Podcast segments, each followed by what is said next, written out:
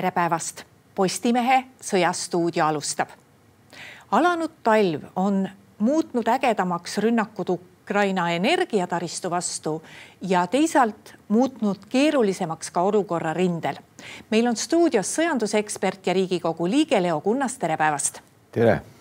no kui me vaatame nüüd seda ühte kohta, kus on päris ägedad lahingud, Avdiivkat, siis eh, nii nagu kirjutavad sõjablogijad, positsioonid käivad sealt käest kätte, inimesed saavad surma, aga Ukraina on ise öelnud, et eh, tegelikult on olukord läinud seal ka tänu talvele halvemaks, sest on tekkinud muda ja seal on juba päris keeruline, et, eh, et mis seal täpselt toimub? Avdiivka piirkond on jah, praegu lahingute raskuskese, et siin kaardil me näeme, siin on selline eendpositsioon otse Donetski linna külje all oluline kõrgendik. seal on ka, ka sellist majanduslikku infrastruktuuri nagu näiteks koksitehas ja muud, et, et see on selline võtmeala tegelikult, kust saab tulega kontrollida Donetski ümbrust ja seepärast see on mõlemale poolele tähtis. aga lahingud on jah, väga ägedad, aga samas noh, ma ei oskagi head võrdlust tuua, aga kui me näiteks vaatame, et tuhat üheksasada viisteist ja tuhat üheksasada kuusteist, et esimene maailmasõda ja läänerinne, rinne liikus väga vähe, edasiliikumised olid mõne kilomeetri võrra. vallutatud alasid vaadeldi sadades ruutkilomeetrites. nüüd on olukord täpselt sama, et edasiliikumised on sadades meetrites mõne kilomeetri võrra vallutatud või vabastatud alade suurus on, on piirdub mõnesaja ruutkilomeetriga, et, et selline on see sõda olnud eelmise aasta novembri keskpaigast saadik, mil siis Ukraina väed teatavasti lõpetasid oma viimase seni eduka suurpealetungi ja vabastasid siis kõik Dnepri jõe läänekaldal olevad alad, kaasa arvatud Hersoni linna, et, et siin me näemegi neid siniseid alasid, mida Ukraina siis suutis eelmisel kevadel ja sügisel vabastada. pärast seda, pärast seda on olnud rinne väga staatiline, aga samas, kui ma tegin juba selle esimese maailmasõjaga võrdluse, siis sellesama tuhande üheksasaja viieteistkümnenda ja kuueteistkümnenda aasta jooksul jõudis surma saada miljoneid inimesi rindel. ja siin samamoodi, et kuigi rinne on olnud suhteliselt staatiline nii-öelda idarindel muutusteta juba üle aasta siis tegelikult mõlema poole kaotused kogu aeg kogunevad, neid on, neid on kümnetes tuhandetes juurde tulnud, et ega mul on ka järjest raskem tegelikult üldse adekvaatselt hinnata näiteks, et palju mõlemad pooled on kaotanud. Ja need nii-öelda vahed lähevad suuremaks, et, et mis ma oskan öelda, et Vene pool tõenäoliselt on kaotanud surnutena praeguseks umbes sada kuuskümmend kuni kakssada tuhat inimest ehk siis surnutena, püsivalt välja langenutena ehk siis haavatud, kes on pärast haavadesse surnud, teadmata kadunud. et see suurusjärk on umbes selline, noh, ja ka midagi täpsemalt on nagu väga raske öelda. ja noh, Ukraina poolel on need arvud samamoodi väga suured. sõjaväelaste osas umbes sada kuni sada kolmkümmend tuhat kuigi nüüd viimasel ajal on Vene poole kaotused olnud oluliselt suuremad kui Ukraina poole kaotused, siis ka suvise vastupealetungi käigus Ukraina pool kandis ka tuntavaid kaotusi ja praegu tegelikult ilmselt Ukraina poole taktika ongi see, et, et nad ise nüüd et uut suurt pealetungi ei ürita. võideldakse nii, et kui Vene pool saavutab mingi sissemurde, näiteks mingis olulises punktis, noh, kasvõi siinsamas Avdiivka ümbruses, kui siit kaardilt on muidugi raske näidata, aga siit, siin on raudtee, mis siis ühendab Avdiivkat siis ülejäänud Ukrainaga, et Vene pool on selle siin läbi lõiganud ja ohustab ühendusteid, et siis Ukraina pool nii, nii selles piirkonnas kui, kui siin lõuna pool, et üritab siis vasturünnakutega, mitte ainult üritab, vaid ka võtab siis vasturünnakutega jälle kaotatud positsioone tagasi. Ja nii, nii seal võideldakse põhimõtteliselt iga, noh, iga maja, iga, noh, iga ruutmeetri kohta võib ka öelda ilma nagu ilustamata, et, et selline see lahingutegevus seal on ja, ja tegelikult noh, mõlemad pooled mingite suurte pataljonide või brigaadide pealetunge siin ei ole, et, et ikkagi tegevus käib, käib rühma ja kompanii tasemel, kuidas siis üritatakse neid sissemurdeid saavutada nii jalgsi kui mehhaniseeritult, noh praegu muidugi mehhaniseeritult praktiliselt pori tõttu ei ole seal võimalik võidelda. ehk siis see omakorda raskendab mõlemal poolel lahingutegevust no asi, mida Ukraina tõenäoliselt praegu kõige rohkem kardab, on needsamad õhurünnakud energiataristu pihta. venelaste õhurünnakud on muutunud juba intensiivsemaks, iga öö toob meil selliseid uudiseid kui palju võrreldes eelmise talvega on paremaks läinud Ukraina õhukaitse ja kas on, et äh, nad ei saa loomulikult kogu riiki kaitsta, aga, aga kuidas seda praegu hinnata ja kui suur oht praegu Ukrainale talvel ikkagi varitseb, sest inimesed ju lihtsalt surnu, külmuvad surnuks? No eelmine talv õnneks nii hulluks asi ei läinud, et, et inimesed oleks surnuks külmunud, aga mida Vene pool vahepeal saavutas, oli siiski umbes poole Ukraina elektriinfrastruktuuri mahasurumine, mahasurumise ehk siis seda nii ülekandeliinide, aga põhiliselt alajaamade osas, et, et jah, tõenäoliselt see kõik kordub nüüd, me näeme märke juba selle kordumisest sellel talvel. Kui sa küsisid, et kas Ukraina õhukaitse on nüüd parem, kindlasti on, et ka lääne sõjalisest abist väga oluline osa on olnud just Ukraina õhukaitse tugev, tugevdamiseks aga on selgelt selge, et ka see õhukaitsekate ei ole kogu riigi ulatuses, ega ta ei saagi olla ühtlane. ehk on näha, et, et Kiievit ja selle lähiümbrust Ukraina pool püüab siis hästi hoolikalt õhust katta ja siin suudetakse ka enamik nii tiibrakette kui droone siis alla tulistada. aga ja teised suurlinnad samamoodi, näiteks, näiteks Odessa. aga kogu riigi territooriumi on nii ju raske katta, sest Ukraina on ikkagi kuussada kolm tuhat ruutkilomeetrit, millest umbes seitseteist, kaheksateist protsenti praegu on okupeeritud, et, et, et väga suured maa-alad ja noh, eks Ukraina püüab mitut asja teha nüüd korraga, ta püüab, püüab tugevdada oma õhukaitset nii palju, kui saab. ja lääne sõjalisest abist on üsna märkimisväärne osa, mis sinna läheb ja samal ajal ka siis tugevdada infrastruktuuri ehk siis alajaamu ei ole. kui see alajaam on purustatud, siis ei ole ju maa peal mõtet seda enam uuesti taastada, et siis, siis läheb, lähevad nii ülekandeliinid kui alajaamad lähevad lihtsalt maa alla, mida loomulikult ka siis Vene poolel on raskem purustada või mõjutada. elektrijaamad on, on haavatavad.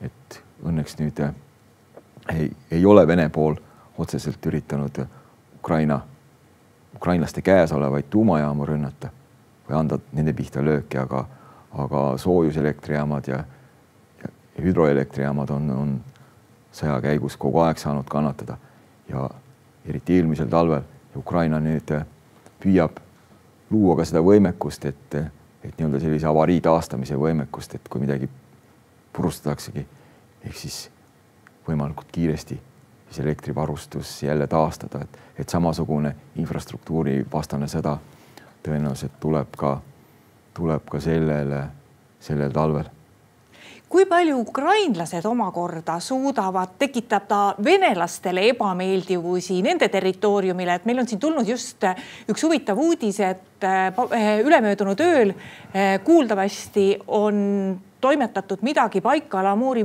raudteemagistraalil et eh, kui palju me sellest teame? Ukraina poole, Ukraina poole süvaoperatsioone ma olen mitu korda tõstnud siin positiivselt esile, et see on olnud suur areng, mis Ukrainal on sellel aastal just toimunud, et kui me vaatame sõja algust, siis see oli üsna ühepoolne, et, et Vene, Vene pool lihtsalt andis tulelööke, purustas, pommitas. nüüd on Ukraina pool ikkagi suutnud sellele üsna võrdväärselt vastata.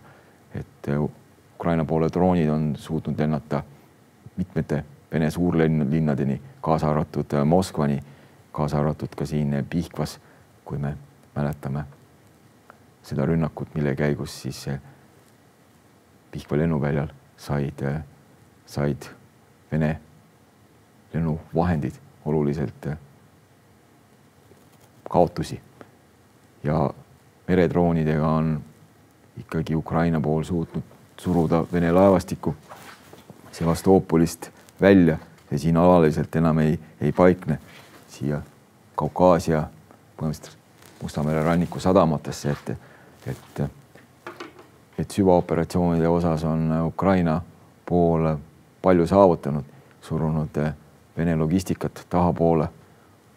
laevastikust ma juba rääkisin, surunud Ven-, Vene lennuvahendeid tahapoole, et andnud, andnud mitmikraketiheitjatega siin lööke mitmete tähtsate lennuväljade pihta, kus, kus lennuvahendeid ka on hävitatud. Ehk ehk Vene pool ei ole saanud ka rakendada oma õhuülevõimu, et, et tervikuna süvaoperatsioonide osas on see lõppev aasta olnud Ukrainale edukas ja Ukraina on aren-, arenenud siin palju, aga loomulikult need toetavad sõjategevust rindel, aga iseenesest rindel mingit läbimurret nad ju ei tekita. Kui ma tulen korraks selle Baikal-Amuri magistraali juurde, et kas on võimalik, et seda ka nad suudavad nii palju kahjustada, et see võiks tekitada tõrkeid eh, relvaabi osas, mis tulevad Põhja-Koreast, sest see liiklus sealt Põhja-Koreast Venemaale on nagunii niisugune vaevaline. see ilmselt ongi olnud selle diversiooniakti eesmärk. Ehk siis Ukraina pool on ja ka loomulikult Ukraina sõjaväeluure, luure korraldab ja tegutseb seal, aga siin on ka palju Venemaal ikkagi ka ukrainlasi, kes, kes ise või siis ka Ukraina toetajaid, kes on nii Venemaal kui Valgevene, Venes siis üritanud raudteevõrku sab saboteerida, et, et jah, see Baikali ja Muuri magistraali kahjustamine on tõenäoliselt seotud siis relvasaadetistega, mis, mis Põhja-Koreast siis liiguvad loomulikult rongidega, ega seal muud, muud transporti ei, ei ole võimalik. Liiguvad siis Lääne-Venemaale.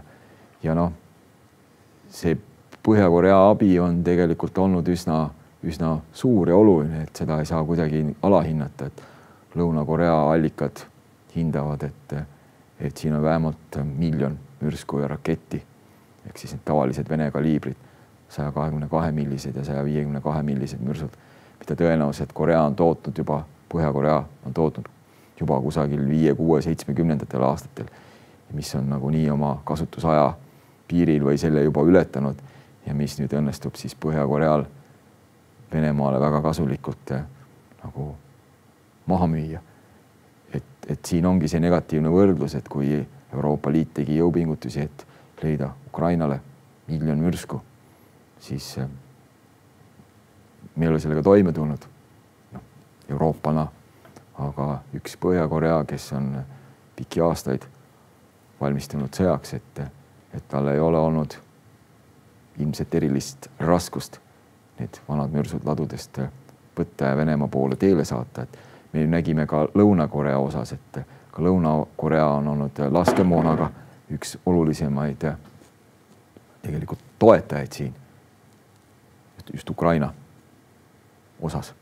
et, et Põhja-Korea, Lõuna-Korea, kui nad on teineteise vastu valmistunud sõdima, siis nad on ka ka sadu tuhandeid ja mitu miljonit mürsku endale ladudesse valmis tootnud selleks no meil siin mitu nädalat juba ringleb uudis, et Venemaa on suurendanud oma kaitsekulutusi eh, tasemeni, mis oli Nõukogude Liidu ajal. Eh, mida see õigupoolest tähendab või kas see tähendab midagi erilist eh, Venemaa sõjalisele võimekusele, kas nad saavad midagi teha, mis on Ukrainale lähitulevikus veel suuremaks ohuks? no suurem osa sellest rahast läheb lihtsalt sõjapidamiseks, et, et Vene pool püüab ikkagi sõduritele, et, et nad seal rindel üldse püsiks ja võitleks, maksta Venemaa mastaabis väga kõrgeid palku. Ja kui sul on vaja sellist palka maksta poolele miljonile inimesele, seitsmesajale tuhandele inimesele, siis, siis see loomulikult mõjutab rahakotti. Ja laskemoona on vaja toota, et, et kui Venemaa tõesti Venemaa suudab järgmine aasta toota kaks kuni kolm miljonit mürsku, et, et ega see ju maksab, ega päris tasuta see ei tule, et, et totalitaarse majandusena Venemaa nüüd on mobiliseerinud tõesti väga suure osa riigi ressurssideks sõjapidamiseks ja loomulikult Ukrainale, Ukrainat järgmisel aastal see, see surve kasvab. see on ohustanud Ukrainat ja ohustab Ukrainat edaspidi. et mida saab teha, Ukraina loomulikult püüab ka oma sõjatööstust nüüd kõigiti arendada nii kiiresti kui saab. et sõja alguses ikkagi Vene poolel õnnestus väga suur osa Ukraina sõjatööstusest, mis oli väga võimekas, kuigi nüüd kängunud siis pärast iseseisvuse saavutamisest, saavutamist üheksakümmend üks. et Ukraina ikkagi püüab selle jalgu alla saada, aga, aga oluline on, on nii lääneriikide kui teiste partnerite abi. et järgmine aasta, mida Ukraina vajab, noh, sada kakskümmend, sada viiskümmend miljardit dollarit või eurot puhast majandusabi, et riiki käigus hoida ja armeed ka, et pluss siis sõjaline abi nii relvasüsteemide kui laskemoona osas, et, et, et abi on vaja väga palju ja oluline on see, et, et meie, meie liitlased ei, ei väsiks. sest vastasel korral satub Ukraina raskustesse ma veel hästi kiire küsimuse küsiksin, enne kui saade ära lõpeb rindelt, et me siin nüüd viimased kuu aega oleme hästi palju tähelepanu juhtinud ka sellele, mis toimub Dnepri idakaldal ja tegelikult on ka siin stuudios olnud eksperdid öelnud, et noh, et eh, see ikkagi on selline erioperatsiooni tasemel, et ega seal idakaldal väga suurte jõududega edasi ei liiguta. elu on seda vist näidanud, et, et see nii ongi. ja vahepealsed kuuldused, et seal on siin olid mingid pealkirjad, edasiliikumine neli kuni kaheksa kilomeetrit, et jah, paraku see ei pea paika, et, et kaks sillapead Ukrainal on, Ukraina vägedel, siis Dnepri idakaldal suurema sillapea laius on umbes neli kilomeetrit ja sügavus maksimaalselt kaks-kolm kilomeetrit. teine on veel väiksem, et, et sellised need on, et, et siin mingist suuremast edust ei ole paraku võimalik rääkida ja ka nii-öelda nendelt platsdarmidelt ei ole õnnestunud Ukraina poolel praegu mingit edasist pealetungi arendada. nii et äh, järgmisi suuremaid liikumisi rindel on siis tõenäoliselt oodata alles kevadel? ja et, et tõenäoliselt järgmine suvi on see, millal, millal tuleb jälle suurem mõõduvõtmine. aga nüüd ongi see küsimus, et kui see suvi ei toonud mingit äh, otsustavat läbimurret, mida siis Ukraina pool peaks tegema, et sedasama läbimurret äh, saavutada. ja noh, siin on palju tegureid. loetleme nendest võib-olla kõige tähtsamad üles lokaalne õhuülekaal sellesse pealetungi suunas, kui Ukraina kavatseb seda, seda oleks vaja nii põhimõtteliselt hävituslennukite kui lahingkopterite osas. hävituslennukite osas see võib olla saavutatav järgmiseks suveks äh, lahingukopterite osas äh, mitte, siis äh, relvaliikide palju parem koostöö. see sõltub nüüd, kuidas Ukraina pool suudab oma väljaõpet parandada ja ümber korraldada. ehk maailmas on väga vähe armeesid, kes suudavad maaväe relvaliikide omavahelist koostööd hästi teha. et kindlasti Ukraina pool püüab siin õppida pluss Vene poole kaitserajatised, et ikkagi on vaja pioneeriüksusi ja pioneerivahendeid, et nendest äh, läbi murda. ja noh, ma ei näe kusagil seda kogust, mida Ukraina ise võiks toota või siis lääneriigid Ukrainale anda, et mida oleks vaja, et,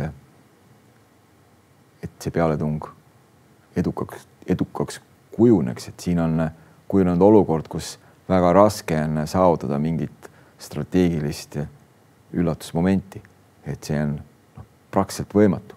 aga positiivse noodiga lõpetades, et Ukraina on tõrjevõidu nagunii saavutanud, selle Ukraina saavutas kohe sõja alguses. Noh, raske küsimus on täielik võit ehk siis eh, kogu territooriumi vabastamine. see jääb Ukraina eesmärgiks, kui palju suudetakse selle eesmärgi poole nüüd liikuda järgmise aasta jooksul, seda on mul praegu väga raske ennustada. aitäh, Leo Kunnas tulemast Postimehe Sõjastuudio saatesse. ja aitäh ka kõigile neile, kes meid vaatasid. Postimehe järgmine otsesaade on nüüd eetris juba järgmise nädala esmaspäeval. seniks lugege uudiseid postimees.ee